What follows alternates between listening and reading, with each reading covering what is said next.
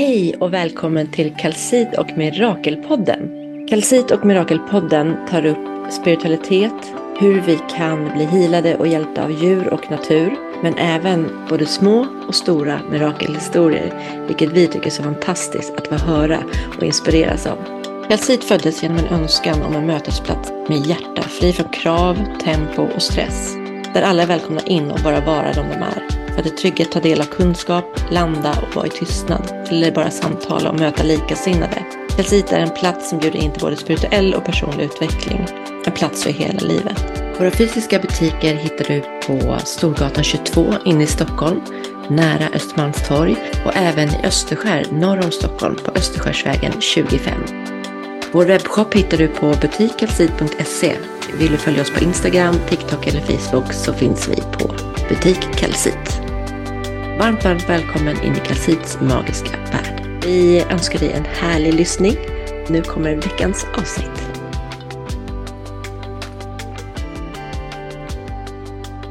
Varmt, varmt välkomna till ännu ett avsnitt av Kalsit och Mirakelpodden. Här har snön vräkt ner de senaste dagarna. Vi har hamnat i ett riktigt vinterlandskap. Jag tror nästan det har nått hela Sverige. Det är ju sprakande magiskt vackert, men otroligt kallt. Och vi säger det, vi alla som är med i poddstudion idag, eller vi är ju på länk, att vi, vi fryser en del, men det är väldigt fint. Madeleine, först säger jag hej till dig. Ja, men hej Sofia, hur har du det på stationshuset? Ja, men jag har det kallt, men det har det ja. mysigt.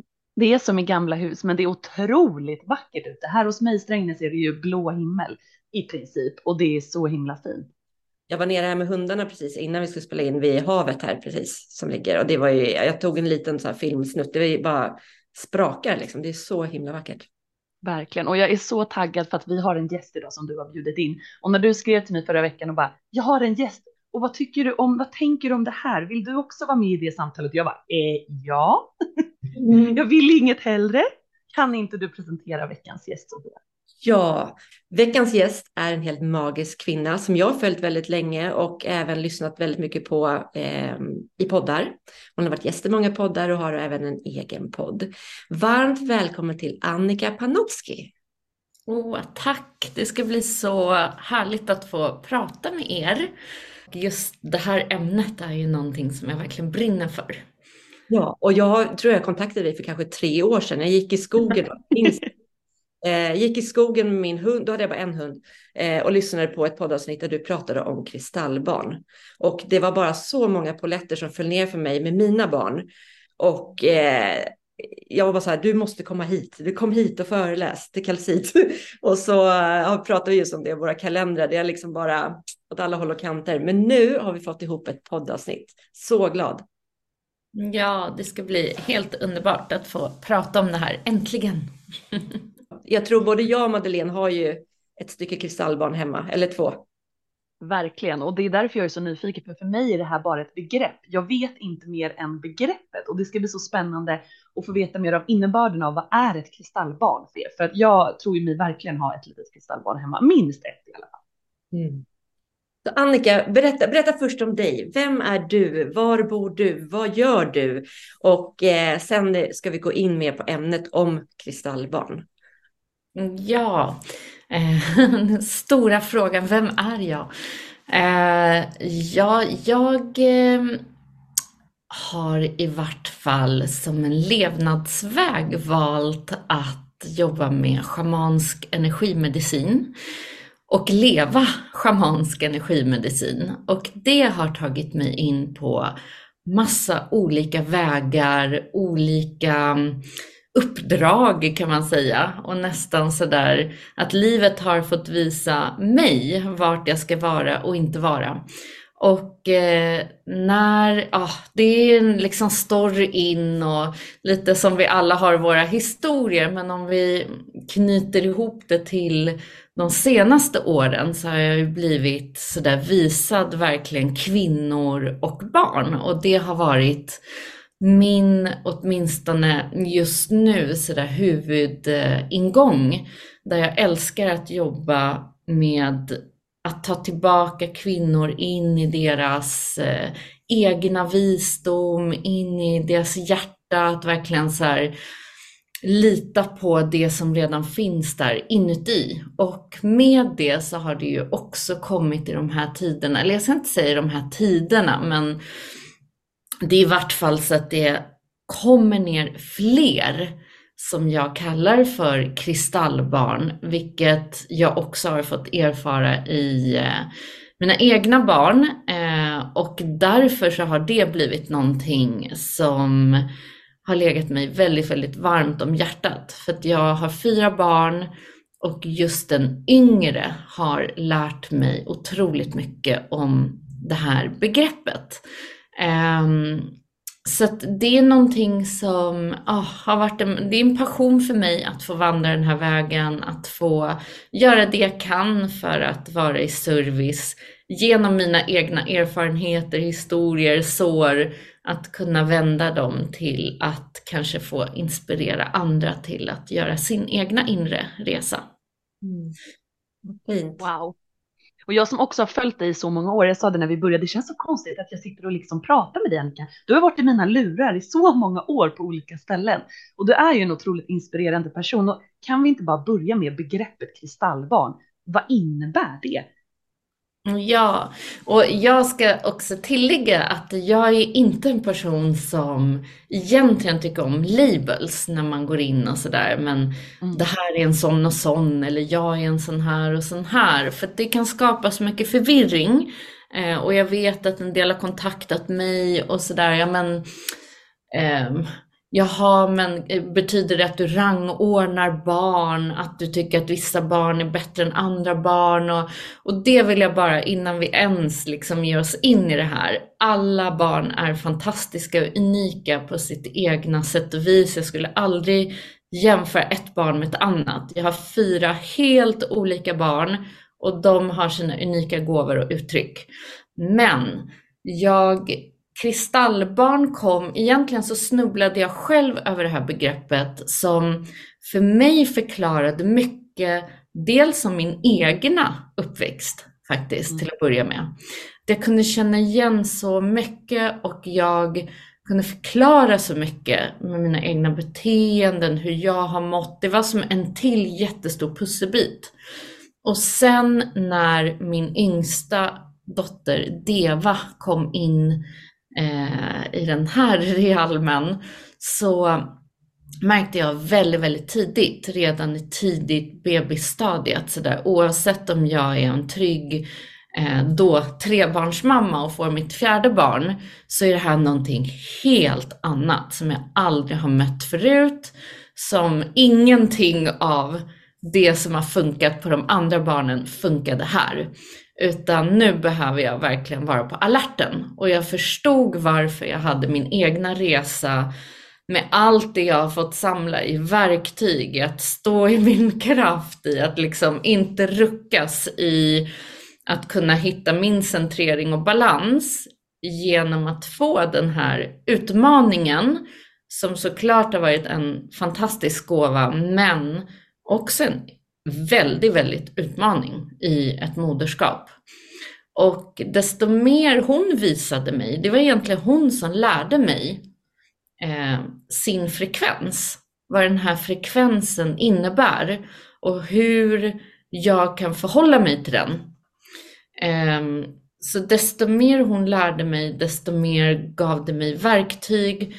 Eh, det attraherade in andra föräldrar och barn som ville ha readings och clearings och support, eh, desto mer började prata om det här öppet. Och de har lärt mig. Det är genom de här läsningarna som jag har fått så otroligt mycket information om vilka verktyg, hur den här frekvensen fungerar. Så att för att svara på din fråga, för att den är så komplex, så skulle jag säga att det är just där det. För att energi mäts ju i frekvenser. Och de här barnen som kommer igenom nu, och det har funnits kristallbarn tidigare, så det är inte ett nytt begrepp. Som jag sa, jag känner igen mig i det här. Det finns kristallbarn från eh, många, många generationer bakåt.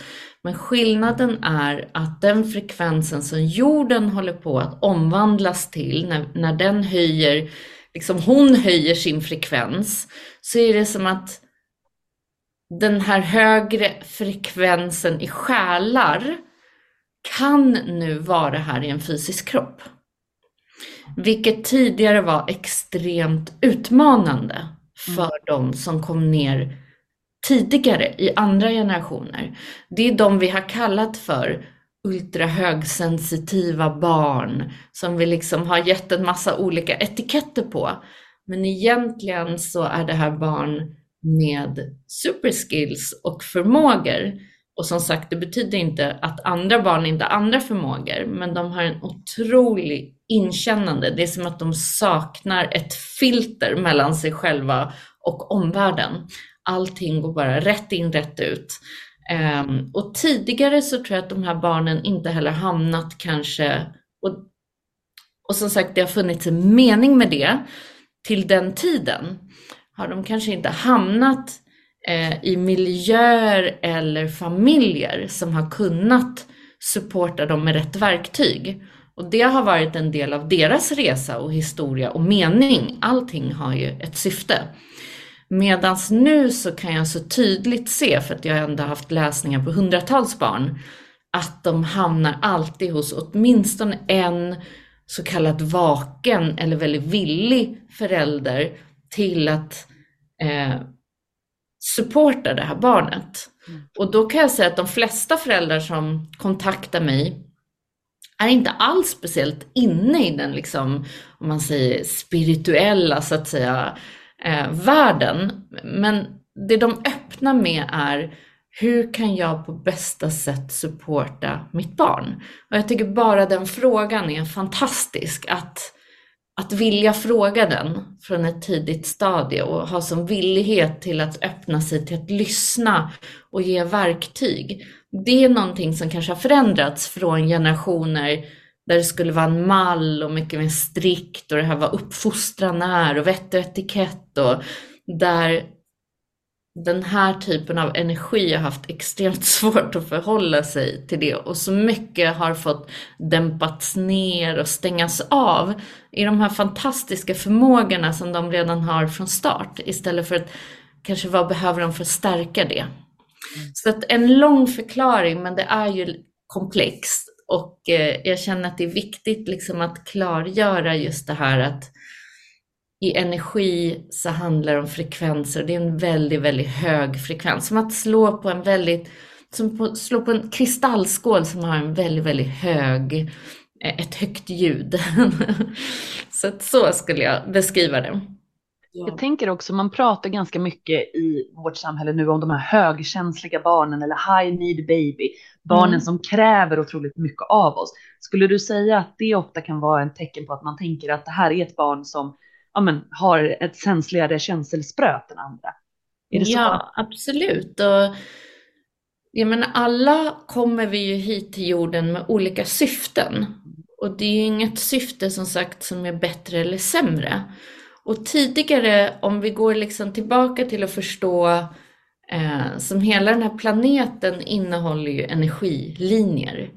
Och de här energilinjerna har ju, om man tittar på som förr och, och de här ursprungskulturerna mycket där det byggdes heliga platser och tempel på de här linjerna och på de här energipunkterna så var det ju så i och med att vi i en människokropp inte riktigt klarade av att hålla den höga frekvensen i en fysisk kropp så hade vi de här punkterna för att kunna eh, till exempel få ner energi, visdom. Det var därför eh, kanske man behövde sitta i ett tempel, många, för att kunna hålla en sån frekvens tillsammans. I meditation, i mantrasånger som munkar och medans i den här tiden det som sker det är att om man tänker att alla barn är kristaller, men de har olika frekvens, precis som vanliga kristaller. Liksom en rosenkvarts är inte samma som en bergskristall, som en ametist, som en... Och då man tänker att de, den högsta frekvensen av kristall brukar man säga är diamant. Um, i vart fall av de högre. Och om man tänker att det är den energin som nu kommer in och placeras över hela jorden istället för att ha det i tempel så klarar de här barnen av, med nöd och näppe kan jag säga i början, att hålla den här jättehöga frekvensen i en fysisk kropp. Och de blir utplacerade över hela det här jordklotet för att bygga som en kristallgrid, för att hjälpa till. Det är det de är i support till, att höja jordens frekvens. De jobbar tillsammans med eh, Moder Jord och är kallade hit för det. Så de är en sån vacker service. Men alla barnen har en grid och behövs, fast för olika syften. Men deras syften är att rena, att verkligen höja och eh, de är ofta, det jag märker i de här läsningarna, de är som starka reningskanaler. De har en hög sanningsfrekvens det är precis på samma sätt som när du slår på kristallskål så är det som att allt som inte är i resonans med den frekvensen tas isär.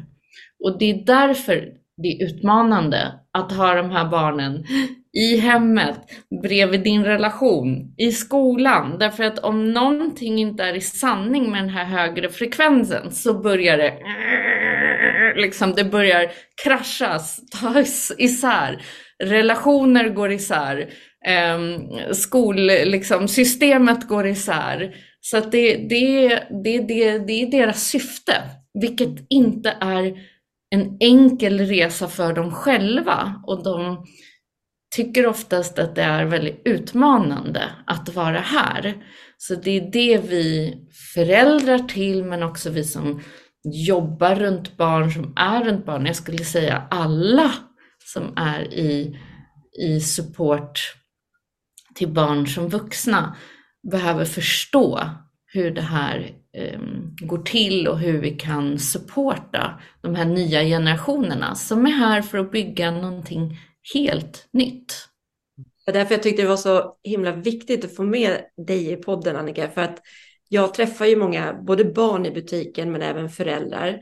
Eh, och barn som liksom så här, jag vill inte gå på fotboll en dag, jag vill åka till kalcit. Alltså så de vill, de vill i det här, vara i de här energierna, de kan stenarna, de vet precis vad de dras till direkt och, så där, och lär föräldrar och så. Och då nämner jag alltid lite, föräldrarna förklarar ofta barnen som så här, han är ganska känslig och lite tufft i skolan. Och, det så, och då säger jag alltid så här, vet du, googla kristallbarn. Bara känn in eh, om det resonerar för att det kan hjälpa dig att stötta ditt barn som, som du säger, tar in väldigt mycket under dagarna i skolan. Allt går rakt igenom och är oftast väldigt trött när de kommer hem. Mm. Ehm, så att det här är ju liksom för att kunna hjälpa oss som är omkring kristallbarn eh, att stötta dem i den här världen.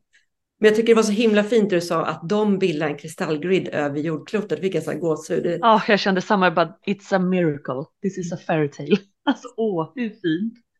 Ja, och byta också. För det som jag har känt med den här etiketten högsensitiv, det är att vi ofta har satt nästan ett lika med tecken att det skulle vara någon form av svaghet. Exakt. Eller att det, och jag säger så här, men det är de här barnens superpower. Mm. Det är den vi vill få fram. Mm.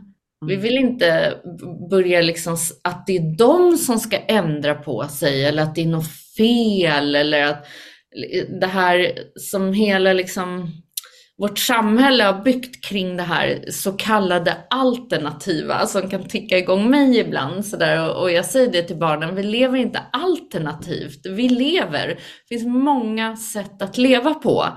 Varför behöver det vara alternativt? Vi väljer, vi väljer att leva så här, någon annan väljer att leva så och, och det förändras ju hela tiden. Så det här inkluderandet och se just våra förmågor, att alla har sina superpowers och det här är en superpower. Så att sluta prata om det som att det är någonting som vi behöver gömma oss eller rena oss eller skydda oss eller utan så här, nej, lär känna den här gåvan och ut i världen med den. Det är din superkraft för livet, verkligen. Och det där tycker jag är så himla viktigt att lyfta för jag känner igen mig själv så mycket i det här högsensitiva så det ska bli jättespännande att läsa efteråt också mer om det här med kristallbarn. För under min uppväxt så har jag alltid varit den där som ifrågasätter, som som du säger, jag har haft jätteproblem i skolgången just med det här. Varför ska jag lära mig det här? Vad är syftet? Vad kommer jag få, alltså i vilket sammanhang ska jag använda det här? Om du kan förklara för mig varför. Vad ska jag få ut av det här och ha med mig det här i hela livet? När kommer jag dra nytta av det? Då vill jag gärna lära mig, men bara för att man ska. Det här allt man skulle göra bara för att någon sa att det var så hade jag alltid så svårt med. Och det har alltid under min uppväxt har det pratats om till mig som min svaghet.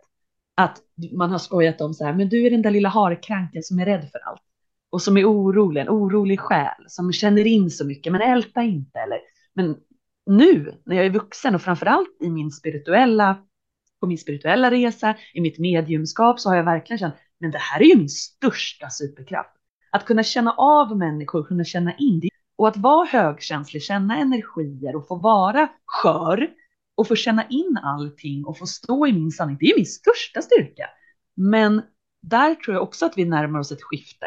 Och som du säger Sofia, ju mer man pratar med föräldrar till de här barnen som är högkänsliga eller bara vibrerar i sin egen frekvens oavsett vad man vill labla eller inte på det, så tror jag att det också blir mer okej. Okay. Det brukar jag säga till mina barn, alla känslor är okej och den här känslan är ju jättebra. Att någonstans så... vända på det från svaghet till superkraft, för det är verkligen det det är. Mm. Mm. Men vad, vad, Annika, säger du, nu ska vi inte sätta labels, men kännetecknar ett kristallbarn? Eh, för jag tror, jag kan i alla fall bocka av mycket, eller jag gjorde det när jag lyssnade på det där poddavsnittet, jag bara, aha, okej, okay, check, check, och det är därför han eh, liksom tar sig an saker på det här sättet som hans syster eh, tog sig an på det sättet. Alla är ju unika, men liksom det är också så, här, så himla annorlunda. Eh, mm. Har du några? Ja, men jag skulle definitivt, för mig så var känslan väldigt tidigt som var skillnad från de andra barnen. Eh, det var att de andra var så otroligt trygga och självständiga väldigt tidigt. Medan jag kände att det var, hon var mer ihopkopplad med mig. Det var som en liten liksom, ett litet klistermärke, en liten kalabjörn som liksom tankade energi från mig hela tiden. Um, och jag var så här, men vad är det i henne som inte får henne att känna sig trygg nog att ligga ner själv några timmar här eller att inte bli buren konstant, att inte liksom vara med en konstant. Och det jag förstod och, tid, och som har visat sig sen i olika sessioner så fint i bilder, det är verkligen som så här om, om, om vi ser att jag är modersplantan och ser de här sticklingarna och de än inte har liksom hittat ner med rötterna ner i jorden så är det som att jag blir hennes jord. Jag är hennes moderjord. Så det är bara när hon är uppkopplad på mig som hon känner den här grundningen och tryggheten. Och hon kan inte riktigt hitta ner med de rötterna själv. För skillnaden är att många av de här barnen som kommer idag, Eh, och där kan jag känna en skillnad med mig själv som ett väldigt sensitivt barn kontra Deva. Det är att hon har aldrig varit på den här planeten förut. Mm. Alltså hon tycker att allt det här är så weird. Och hennes kropp är weird. Det är liksom hur allt funkar, hur allt utspelar sig, koder emellan mellan människor. Hon fattar ingenting. Så att eh, det är skillnaden i att någon som har varit här förut bär ju redan med sig visdomen om hur jag rotar mig och grundar mig. Mm. Mina rötter på plantan kommer hitta ner i jorden. Medan deras gör inte det. Mm. Så de behöver extra support till att känna, just grundning och jordning är ju liksom det här nummer ett som jag jobbar så mycket med, med de här barnen. Så det är en stor eh, grej. Sen vet jag att när hon var två år, många blir ju otroligt verbala tidigt, eller så är de ju tysta. I många, så det kan gå fyra år innan de börjar prata. Därför att det är nästan, alltså i vissa, i vissa realmer så lever man ju mer telepatiskt, så att de är inte vana att använda det sättet att kommunicera på. Vilket också blir konstigt för dem här. Men som i Devas fall så när hon var två år så kunde hon liksom prata omkull mig. Och det var verkligen som en så här tusenårig själ i en tvååringskropp. Vilket ger henne en extrem frustration såklart. Så här, prata inte till mig som att jag är ett barn, kommer jag ihåg att hon sa. Jag är ju ett barn. Ja, det känner jag igen så väl. Och just det här när jag försökte så här, du vet, avleda, som det kunde man göra med de äldre barnen, så här, om det är någonting och en liten konflikt och hon blir upprörd så kunde jag säga, men gud, titta där och där är en fågel eller vad som helst. Och hon bara så här, titta på mig och var helt förnärmad och så här, varför vill du att jag ska titta på en fågel? Du pratade ju om det här, vad menar du?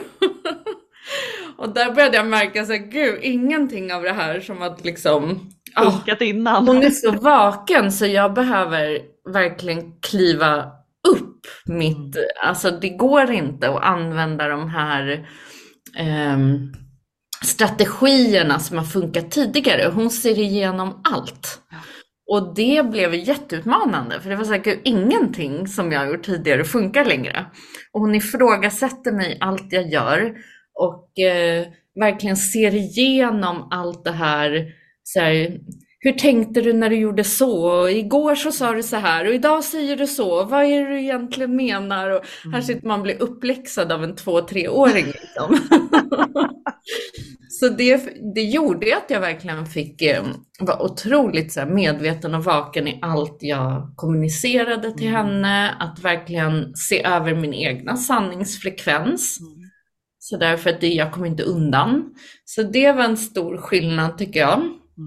Sen också det här enorma behovet, alltså jag såg att, ehm, precis som ni nämnde här innan, om hon hade varit en dag på förskolan så kunde det resultera i tre timmars utbrott. Ehm, där de utbrotten, alltså som jag upplevt med de här barnen så är det ju som att skruva upp allting på högsta volym. Så alla känslor känns ju så mycket. Och det kan ju liksom hoppa eh, från en timme till en annan, från fem minuter till andra fem minuter. Från att liksom, nu är jag kreativ och nu är jag jätteglad, till att det är världens drama åt andra hållet, till att någonting annat händer. Och du behöver bara så här följa med och vara där och vara den här stadiga jordenergin och bara hålla det här, det kan vara allt ifrån orkan till blomstrande ängar på en och samma gång. Eh, så det, det kräver ju också av en förälder att steppa upp i sin balans. Mm. Och det kräver liksom att det går inte längre att gå och sådär som jag vet så många kvinnor som jag har jobbat med och i mödraskap att sådär nej men jag eh, lever liksom mer i det här att inte känna in mina egna behov, att man är där för andra. Så här, nej, det kommer inte funka här. Du behöver se till dina egna behov, fylla på din kopp, se till att du är i balans om du ska kunna hantera den här energin. Och det är mitt ansvar. Den behöver jag steppa upp i. Det är ingen som kommer ge mig den balansen och de dagarna jag inte är i balans då kommer jag ligga där med henne tre timmar på golvet och gråta. Så det lärde jag mig ganska fort att så här, här behöver jag verkligen ta hand om mig själv på ett sätt som inte handlar om att gå och ta en massage en gång i månaden utan att verkligen känna in mina behov så att jag kan hålla mig, jag behöver vara den jordade i det här. Och eh, verkligen, allt handlar om balans. Så det tycker jag också har varit just det här otroliga känslospannet som, som kan finnas. Eh, väldigt mycket visdom. Det kan komma otroligt mycket visdom där hon har lärt mig. Hon har pratat om parallella världar, om eh, hur en annan parallell jord ser ut, hur vi lever där. Alltså de har mycket minnen. Det är väldigt öppet fortfarande. Eh, många har ju, som man kallade förr för nattskräck. Men Eh, egentligen så handlar det om att de är väldigt i kontakt med de andra realmerna fortfarande. Så under nattetiden så reser de mycket ehm, och är på olika platser. Ibland behövs de för andra uppdrag på andra platser Ibland är det så att de eh, tankar hem någonting som de behöver hit. Eh, det fick jag också. Vi hade utmanande under säkert tre års tid, nattetid, där eh, hon var som vaken men pratade om andra figurer i rummet, var väldigt upprörd. Det var mycket vi fick liksom supporta henne i och jag fick lära mig hur jag ska göra det. Eh, och det har ju varit ett verktyg jag kan lära vidare till andra föräldrar. Eh, så det har jag upplevt många föräldrar har tagit kontakt med mig med. Och sen är det här med maten. De äter inte på samma sätt som andra barn. Det är inte vanliga måltider och det är inte liksom tre gånger om dagen. Utan ofta är det mycket småätande. Det märks av om de inte ätit, då får man akta sig. Utan ehm, de dras gärna till, om de är i balans så dras de till högvibrerande mat. Så i grunden så gör de ju det. Det är bär, mycket frukt, mycket liksom, det kan vara grönsaker och sånt också, mycket småätande av det. I obalans så kan jag säga att de här barnen dras extremt till socker. Och det är för att de får en snabb energi av det, för deras energi förbrukar sig så fort. Tänk dig, alltså en högfrekvent energin har en väldigt snabb energi. Så de behöver ju i sina, deras kroppar behöver hänga med. Så därför vill de hela tiden fylla på så att de kan klara av att hålla sig i den här kroppen. Ja, så det har varit en grej. Är de, är de känsligare också för socker? De är jättekänsliga för socker. Alltså jag kan se som skillnad. Vi höll från början så skulle vi hålla det här också som jag hade haft med andra barnen med lördagsgodis. Och det var så här håll i hatten liksom. När... det var i princip så att man känner att det är som att hon inte riktigt vet vad hon gör när hon får i sig sockret. Det är verkligen som en drog känns det som. Så här, hjälp, det här kan bli vad som helst. Duracellkanin liksom. Ja, Duracellkanin och lite så här självdestruktivt ibland tycker jag med socker. Alltså det blir ett helt annat beteende som inte är helt balanserat och det blir verkligen den här mer, mer, mer, mer. Det finns inga stopp. Mm. Även om hennes lilla kropp inte riktigt eh, klarar av så stora mängder. Hon kan inte äta så mycket, men det är som att hon ändå blir lite så manisk på att vilja ha mer. Så att vi har också försökt att här, ta bort hela den här hypen runt, vilket jag kände att lördagsgodis kan skapa en sån hype.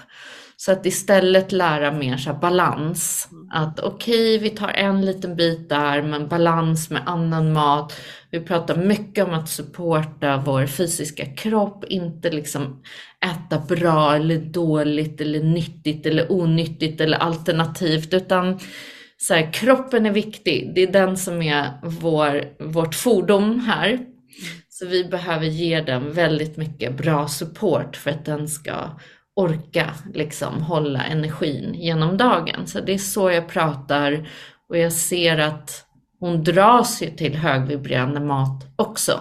Men äta på ett helt annat sätt. Oftast inte som en måltid utan mycket sådär olika skålar med olika grejer. Hon måste få välja och det är mycket liksom småätande och det kan ta lång tid, så långsam liksom på sitt ätande och snacksande för att hon får inte i sig så mycket åt gången. Eh, många av de här barnen är ju väldigt tunna i kroppen, inte alla, men många. För det är också den här lättare energin. Och en del kanske har fått motpolen för att klara av att liksom, eh, tynga ner och, och, klara av att hålla den i kroppen. Så där tror jag att det finns många varianter. Men jag upplever att många föräldrar tycker att de har klurighet med maten, det är allergier, det är eksem, utslag. Så mm, probiotika och maghälsa har varit en sån här jättestor eh, sak att jobba med, verkligen för att, och det handlar egentligen om när vi inte kan grunda ner energin hela vägen ner i rötterna. Så tänk en stor kraft, vårt kraftcentra är magen. Då börjar ju den här kraften också att äta. Den börjar fräta. Så den behöver ju dels röra sig ner. När den rör sig ner mot Eh, jorden så börjar ju också joniseringen. Vi har liksom positiv, eh, negativt joner. som gör det hela mer basiskt neutralt. Så det är som att, precis som ett kretslopp i jorden, så omvandlar ju den energin. Eh, så det här är ju lika viktigt som en planta kan man säga, för vi lever ju så här i den här realmen. Så därför blir det att deras magar ofta får ta en större smäll och i min egna sådär som jag har jobbat mycket med, med eh, mat och plantor och örter, så mm, tror jag att därav är det väldigt viktigt för dem hur de håller just den här probiotikan, alltså magbakterierna, att hålla balansen i magen. För det är det som skapar kanske mer utslagen och allergierna än själva födan i sig. För jag ser att mycket på min dotter har försvunnit i många allergier och även eh, utslag. Hon hade utslag redan som bebis i ansikte, jättemycket eksem. Och de fick vi bort nästan direkt vi började. Det var en som tipsade oss om probiotika. Berätta, hon... berätta, gärna, ja. gärna om någon probiotika, för jag känner igen det där väldigt mycket också. på. Mm. Ja, eh, alltså det är ju bra att hitta någonting i droppform. Det är lite svårare tycker jag med de här märkena som har varit här. Vi har haft lite olika, men jag tycker att det viktiga är att gå igenom bra, duktiga liksom, eh, vad ska man säga, de affärerna som har hållit på väldigt länge med örter som kan rekommendera bra kvalitet av probiotika. Ehm, sen blir det ju, för dem är det ju svårt att få i sig, kanske svälja en kapsel, så jag vet att vi tog isär och vi tog det här pulvret kanske på lite yoghurt eller på någonting. Mm. Så att de får i sig eller har i en liten smoothie. Ehm, det är det som är lättare om man hittar droppform. Men jag tycker definitivt att få i sig det. Jag kan också varmt rekommendera, det finns många superfoods som också stärker de här barnen.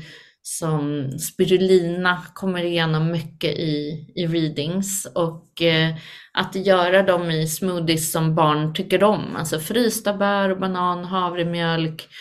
Eh, för många barn så är det utmanande att eh, äta lågkvalitativ gluten.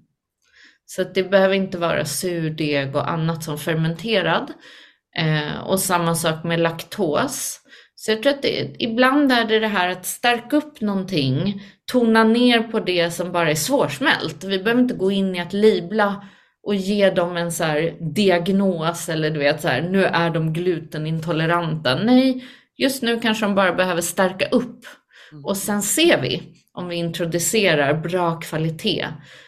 Det jag i vart fall märker som en till sån här stark eh, det frågade mig om egenskaper, det är att de är väldigt känsliga för eh, kemikalier och eh, e-ämnen och saker som inte är naturliga. Mm. Så egentligen bara så här, håll det så nära naturen som möjligt. Men gå aldrig in i rädsla eller förbud eller att man liksom behöver prata om det, utan det går ju för alla oss. Liksom. Håll, håll oss så nära det naturliga som det går. Sen om det slinker ner något här och var, så i grunden i balans så gör inte det någonting. Men det tycker jag, jag har sett också, att det resonerar inte med deras frekvens när någonting blir artificiellt. Mm. Jag känner igen jättemycket. Det är en till bock i listan, check. ja. ja, för mig känns det, jag var så säker på att mitt ena barn absolut var ett kristallbarn, men jag tvivlar, det kanske är mitt mellanbarn. Ja, jag börjar också byta nu här ja, faktiskt. Men samtidigt, så, samtidigt som du säger Annika, man ska inte labla dem och de är olika och jag tänker som mitt äldsta barn som har varit sämst första dagen, han såg ut som en liten farbror för det första, men han har varit som en gammal själ i en liten kropp och är fortfarande. Det är han. Det, det du har ju träffat honom. Ja, eller, ja, jag har ju bara träffat han så här. Men Annika, jag ska berätta. Jag blivit kontaktad av eh, P1 var det va? Juniornyheterna. Ja. Som vill, gjorde specialavsnitt om kristaller och barn. Och så frågade hon om jag visste något barn som... Och då, det här var så här, vi måste göra den här intervjun ikväll. Så jag var bara så här, Ture, vill du vara med min son? Han bara, ah, jag vet inte vad, jag bara, vi får se om det blir av. Men Joel, din, han vill ju. Mm. Självklart. De är lika gamla, de är åtta båda två. Ja, och eh, då träffade jag Joel, för då, Ture, vi var ju med från stallet i mössa och jacka och vi höll på att frysa ihjäl. Men det var en jättegullig intervju som går att lyssna på på P1. Eh, men där, han är verkligen en gammal själ. Ja, han är verkligen det och han har varit det som du beskrev. Alltså sen Joel var ett och ett halvt år så har han pratat som han gör nu i princip, fast han har fler ord nu. Och han har alltid använt alla de här lite komplicerade orden i rätt sammanhang. Eh, när de frågade på juniornyheterna, jaha, så du bor i Strängnäs, hur kommer det sig? Ja, du vet, vi bodde i Stockholm, men det var alldeles för mycket människor där, så vi valde att flytta hit. Och både det samt hans otroliga inkännande. Han kan ju se om någon har bytt gardiner. Han skulle sett om du hade klippt två centimeter på håret. Så han ser ju mer sånt än vad min man gör. Han är så otroligt, ja, otroligt inkännande. Därför var det så fint efter Joel och Tures möte, för då smsade Sofia att Åh, Ture tyckte Joel var så härlig att prata med. Att det kändes som att de liksom, som två magneter var så här, åh, det här var en väldigt trevlig person. Så vi bara, vi ska nog ha med dem i ett podcastavsnitt. Ja, de för att, ja, vi ska göra det. Nej, men så där tycker jag att det är väldigt häftigt och just det här spirituella är så icke främmande för honom på något sätt. Mm. Det är så självklart för honom att han har kristaller i skolväskan eller eh, att man kan rena dem i månens det, det finns inte för honom att det skulle vara hokus pokus. Eller när jag säger till mina barn att men den här fjärilen, det är ju min morfar. Då står ju de i parken och säger mamma, mamma, nu kommer din morfar. Och andra barn här, är det där din morfar? För att för dem är det inte konstigt. Men just de här andra känslospannen känner jag så väl igen i mitt mellanbarn. För hon har också alltid varit otroligt känslosam. Och jag tycker som jag berättade att jag är en känslosam själ, men hon är det på ett helt annat sätt. Hon blir liksom, för det första är hon otroligt sanningsenlig och har alltid varit. Så det, det, är väldigt, väldigt mycket man känner igen och det är ju som du säger, man ska inte labla dem utan de är sig själva. Men de har sina syften på den här planeten, så är det ju. Ja, och det fina när jag har jobbat med familjer, så att då kanske jag har fått sådär tre syskon, mamman, ibland även pappan. Eh, det är att se också det briljanta i hur själarna har valt varandra i det här otroligt kreativa eh, supportet till varandras vägar. Och det kan vara just så att ett syskon har varit här jättemånga gånger förut och är så här supergrundad och eh, har liksom inga issues med att vara här alls medan det andra kan knappt hålla sig liksom i en fysisk kropp och hur den ena energin visar, för att energi visar ju energi för varandra. Det är inte vad vi egentligen pratar och lär utan de uppfattar energi. Um, så det är som att de blir visade, så här gör du. Medan den andra utbyte kanske får en annan frekvensutbyte och får höja någonting. Så det är jättefint i, i, i någon läsning så var det just sådär ett barn vandrade otroligt mycket i drömmarna in och ut ur sin kropp. Medan den andra var liksom som en liten väktare. Som, för de, var också, de ville gärna sova nära varandra och där kom förklaringen. För den, mm. han håller space för syskonet när det vandrar in och ut. Så det var så många fina, ja men sådana här läsningar har ju berört min själ så enormt och gör också för mig jag vet att många så tappar hoppet ibland om världen och vi ser allt det här pågå här utanför. Men jag tror att det är därför jag är så otroligt hoppfull. Därför att när jag har gjort de här läsningarna på de här nya generationerna så ser jag hur briljant uttänkt allting är. Mm. Och så där, då kommer min tillit till, det här är så mycket större än vad vi någonsin kan föreställa oss. Och att komma tillbaka till den här tilliten till universum och naturen. Om vi tittar på naturfilm, det finns ju ingenting som inte är uttänkt. Och det är så briljant uttänkt så att det är så här, vem har kunnat tänka ut allting på det här briljanta sättet?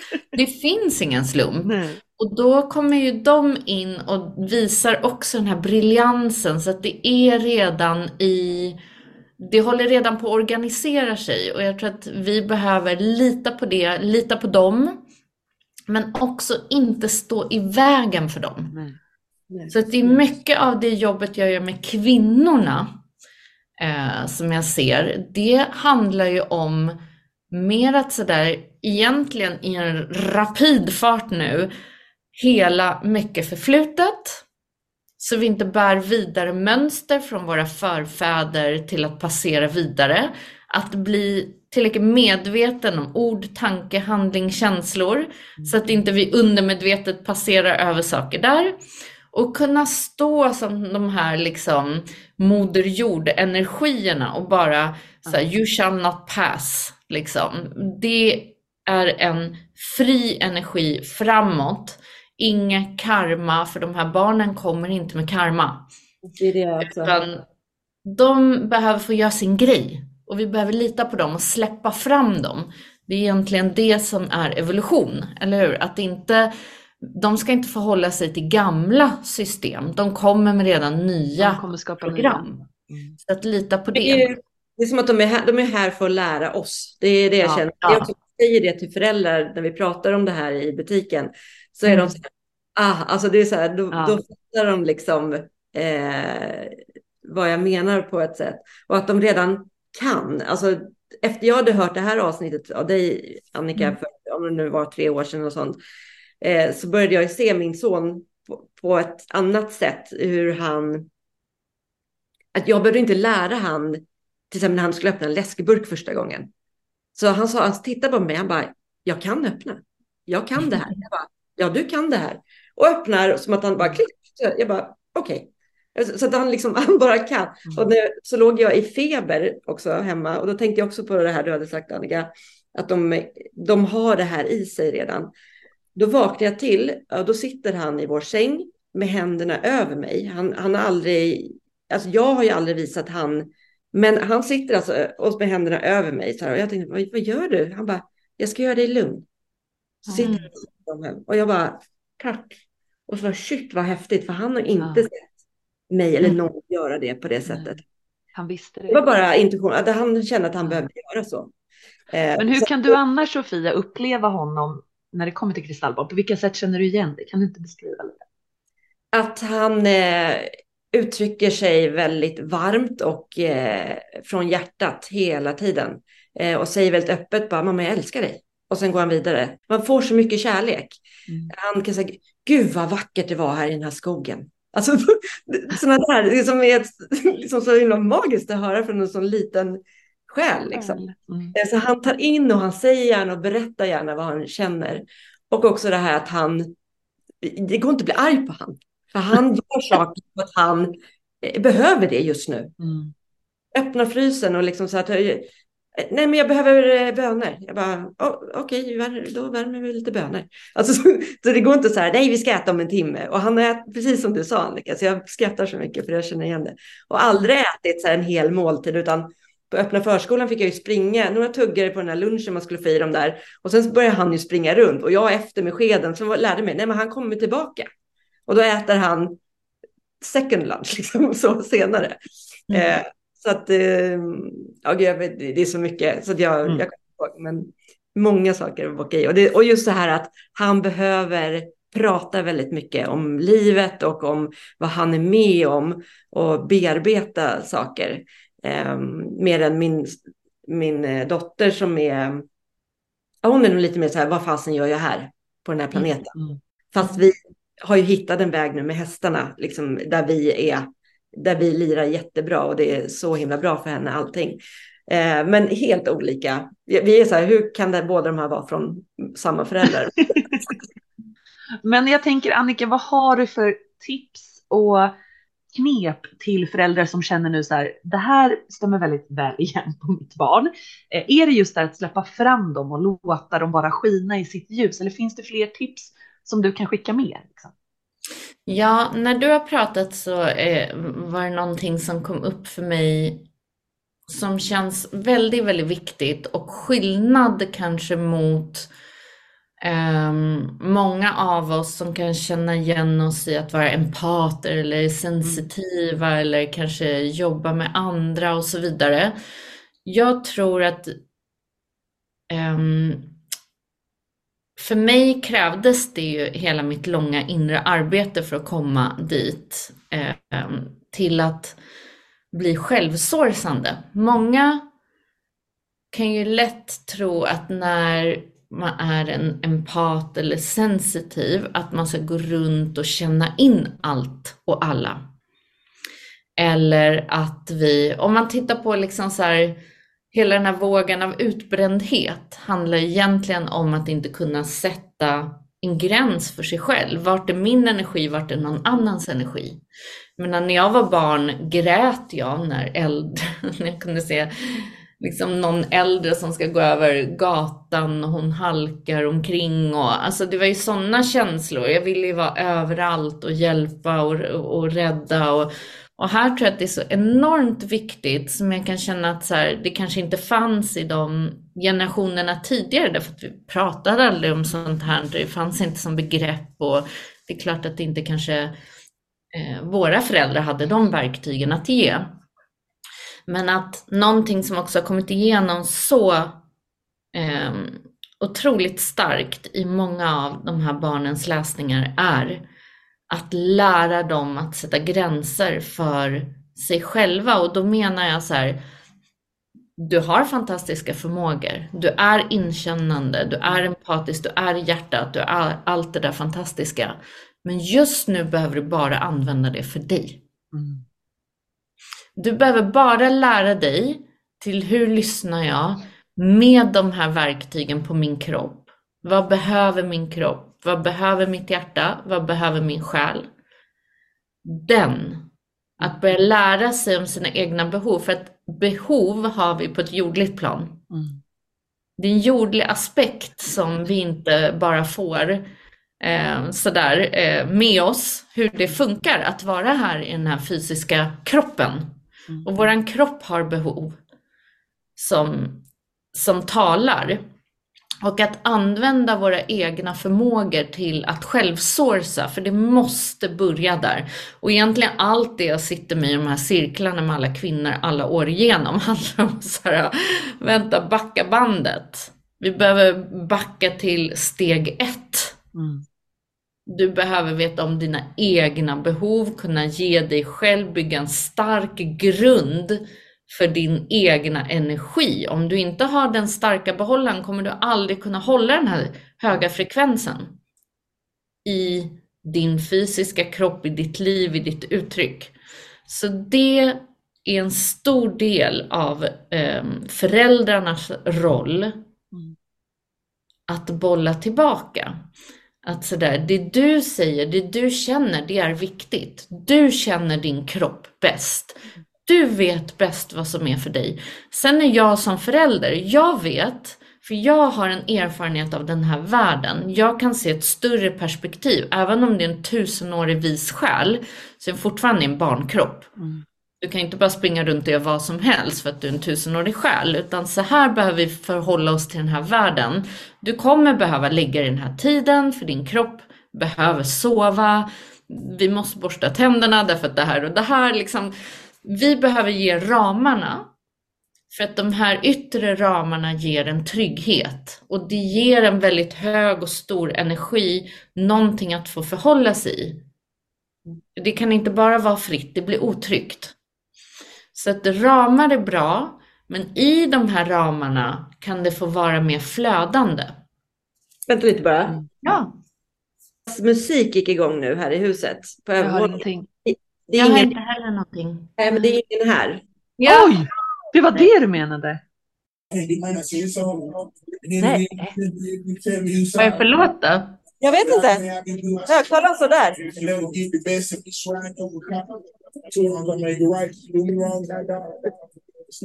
Musiken satte igång helt. Vad är det han säger då? Det är någon rappare. Ja. Rappity rap. I'm good. Nu stängdes av. Det är något ja. han ville tala om. Ja, I'm good, okej, okay, good. Ja, okej, okay. we're good. ja, herregud. Good Förlåt, jag, jag tänkte om det hördes in. Nej då. Nej. Ja. Alltså nu blev det ett litet avbrott här. Sofia, berätta vad som hände. Ja, men helt plötsligt när vi sitter här och pratar, jag sitter i köket i stationshuset, så börjar det spelas jättehög musik inne i packrummet. Först trodde jag det var Idas uppe i studion. Men det var ju högtalaren full, full... Eh... Kareta. ja. Och jag var så här, försökte vara tyst på det, men Annika bara, nej, lyssna, vad, vad säger han? skulle få fram om det var ett budskap, att det var musik som vi skulle... Nej, men vad sa han? I'm good. Han rappade ju något. Ja, ja, det var en. Du får lyssna sen och berätta. Ja, verkligen. De här tipsen kommer göra så stor skillnad. Ja, och en annan som jag känner så starkt, i vart fall för min dotter, speciellt när hon var yngre, kunde hon verkligen efter hon började skolan och hela de här koderna mellan barn och hur allt ska fungera. Det var ofta hon kom hem uppgiven och kände att det var något fel på henne för att hon mm. kände sig annorlunda. För att hon inte funkar som alla andra. Hon kunde hon uttrycka det själv? Hon kunde verkligen uttrycka det. Ja, hon har alltid kunnat uttrycka alla mm. sina känslor. Eh, och det är så viktigt att hela tiden förklara sig, det, det, det är ingenting fel på dig, mm. utan det här är vad, det här är liksom dina förmågor, det här är vad du kanske behöver stärka, det här är det som pågår, förklara hur kanske eh, andra eh, liksom kan fungera i förhållande till varann. Och sådär, inte att någonting är bra eller dåligt eller fel eller, utan mer så här, ja, ibland så sker så här mellan människor därför att många har olika uppväxt, en del kan funka så, en del funkar så och det har ingenting med dig att göra. Jag tror att hela tiden sådär, liksom få bort det från, för de vill gärna ta mycket ansvar där, sådär att är det någonting jag gör fel, är det mitt fel? Um, så den tycker jag verkligen att prata öppet och ha de här dialogerna. Och jag vet att många pojkar har lite lättare att sluta sig där. Eh, I vart fall i läsningarna med att kunna uttrycka djupare känslor i vad de känner i det sociala och sådär. Så att, att verkligen ge dem de verktygen och där finns massa olika fina verktyg att få. Det skulle kunna vara ett till poddavsnitt. Mm. Men eh, Ja, och eh, igen sådär, låt dem få äta många små täta måltider, även om de dras till snabb energi, se till att medparten är ändå naturlig högvibrerande mat. Eh, så att de ändå får i sig någon stabilitet, för att jag märker att det blir väldigt ogrundat när de inte får det. Och även om de inte dras till tyngre mat så kan de verkligen eh, det kan vara till fördel med till exempel potatis, sötpotatis, mm. gryn, gröt, alltså få ner energin i magen lite grann.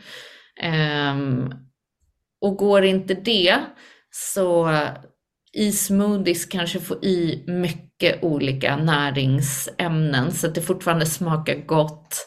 Ehm, så att de Ja, så att de fyller på sin energi. Naturen, naturen, naturen. Det är det som kommer igenom liksom 100% till de här barnen och hur viktigt det är för alla barn att vara i naturen. Och där finns redan, naturen är redan vår lärare i allting. Träden kommer visa hur man grundar med rötterna, Eh, att få vara vild, att få tjoa, att få liksom, oh, ut ur de här reglerna och konstellationerna och bara få springa fritt, få smutsa ner sig, få rulla runt, få liksom, där känner de sig så hemma. Det finns inte en unge som inte säger så här, åh, oh, jag känner mig fri här och, och trivs av att vara i skogen. Så att ibland om det, om det är mer utmanande på förskolan eller skolan, ta en liten tur emellan innan ni går hem vara i skogen, är det sommartid, mycket barfota. Eh, ta med naturföremål hem, in i rummen. Låt dem få dansa mycket, stampa, dansa, sjunga. Ett av deras reningskanaler är rösten. Så de behöver få låta, annars kan det bli utbrott. så det låter som att de behöver space att bara leva ut. Ja, mycket det här som mm. är grunden om man tittar mm. på oss i ursprungskulturer så har vi dans, stampsång, naturelement, ja. liksom eh, jobba tillsammans med elementen, krafterna. Det är som att de tar oss tillbaka dit fast på ett nytt sätt. Back to basic ja. 2.0. ja, det finns hur mycket som helst i det här ämnet och jag vet att det faktiskt är, för att jag hör er säga så här, läs om det. jag måste säga att det finns väldigt lite att läsa om det här. Um, så att jag ser det som ett mission så småningom att uh, få ner allt det här i en bok. Ja, jag märkte det när jag googlade inför våran podd att här, mm. jag hittade inte alls riktigt rätt. Nej, och det skulle vara jättespännande. Mycket är skrivet eh, från förr mm. och det har ju förändrats. Mm. Så, men eh, det går alltid då, alltså jag är här i service, känner man att man behöver liksom få support så tycker jag att det kommer igenom otroligt fin support i sessionerna. Därför att det är deras själ jag pratar med. Det är inte jag som sitter och liksom tankar ner någonting genom mina guider, utan det är deras själ jag kommunicerar med. Det är de som ger verktygen för dem själva. Så det är det som är så fint, tycker jag, i de här sessionerna. Berätta gärna om dina sessioner och hur man får tag på dig och kan kontakta dig, Annika. Om man känner att man vill bli guidad i hur man kan stötta sitt barn bättre. Ja, så det viktiga att veta är att de här sessionerna sker på distans. Så det är ingenting där du behöver ta ditt barn till mig eller för att det, det skulle bli väldigt sådär utsatt att behöva lägga sig på en behandlingsbänk och liksom någon kommer där och ska göra en session på en och det skulle bara spä på den här, ah, gud vad är det för fel på mig som måste ligga här. Eh, utan, utan de här sessionerna, jag behöver bara tillåtelse från föräldern är barnet äldre än 9-10 år så brukar jag säga att barnet också måste ge sin tillåtelse för då börjar det här gå över lite till att de har lite mer egen, vad ska man säga, integritet och eh, energin sitter inte lika mycket ihop med moderns. Eh, men annars om jag får ett tillåtande så sätter vi av bara tid där jag ringer. Vi har inledande samtal på fem minuter. Sen lägger vi på luren. Sen går jag in och jobbar själ, liksom energimässigt, själsligt. Jag får jättemycket i skrift och där ser jag vad jag behöver balansera, om det är en grundning, om det är någonting som har fastnat i energin så att allting kan flöda igen. Och i de här läsningarna så får man mycket verktyg och kommunikation från själen om behov och så vidare. Och då ringer jag tillbaka efter ungefär en timme och så går vi igenom allt det som har kommit och sen så skickar jag de här papperna som en bild så man kan få läsa i lugn och ro och eh, kommer det några frågor så finns jag ju där för att... Är barnet med på den uppföljningen eller hur funkar det? Nej, Nej. barnen är inte med alls. Nej. Eh, och det är så, dels så tycker jag att det blir mest rent, eller vad mm. man ska säga mm. så. Det är ingenting som påverkar barnet, så det kan vara i skolan eller förskolan mm. eller vissa är ju bebisar liksom. Eh, det är inget som påverkar dem, utan man kan säga att jag pratar med deras högre jag. Ja. Så, att, ehm, eh, så det behöver inte alls vara inblandat. Eh, blir de äldre, där vi pratar sådär, det redan har gått till 14-15, då får de ju välja själva om de vill komma och träffa mig. Men jag har upplevt att det kan bli väldigt sådär pinigt och awkward. Ja. Liksom. Så att ibland känns det bara skönare att ja. få göra så här. Och är de äldre kan man ju också se, ska vi, liksom, vill vi dela med oss, vill vi prata om det här? Det är kanske en äldre som vill läsa och berätta för föräldrarna. Så där är jag väldigt mån om integriteten. Men är det upp till 9-10 år, då är det föräldern som får ta del av informationen först. Mm. Gud, det ska bli spännande. Annika, du måste ju skriva en bok på ämnet. Det behövs verkligen. ja, det får vara... Det får vara en cliffhanger. ja, verkligen. Det skulle vara jättehärligt. Mm.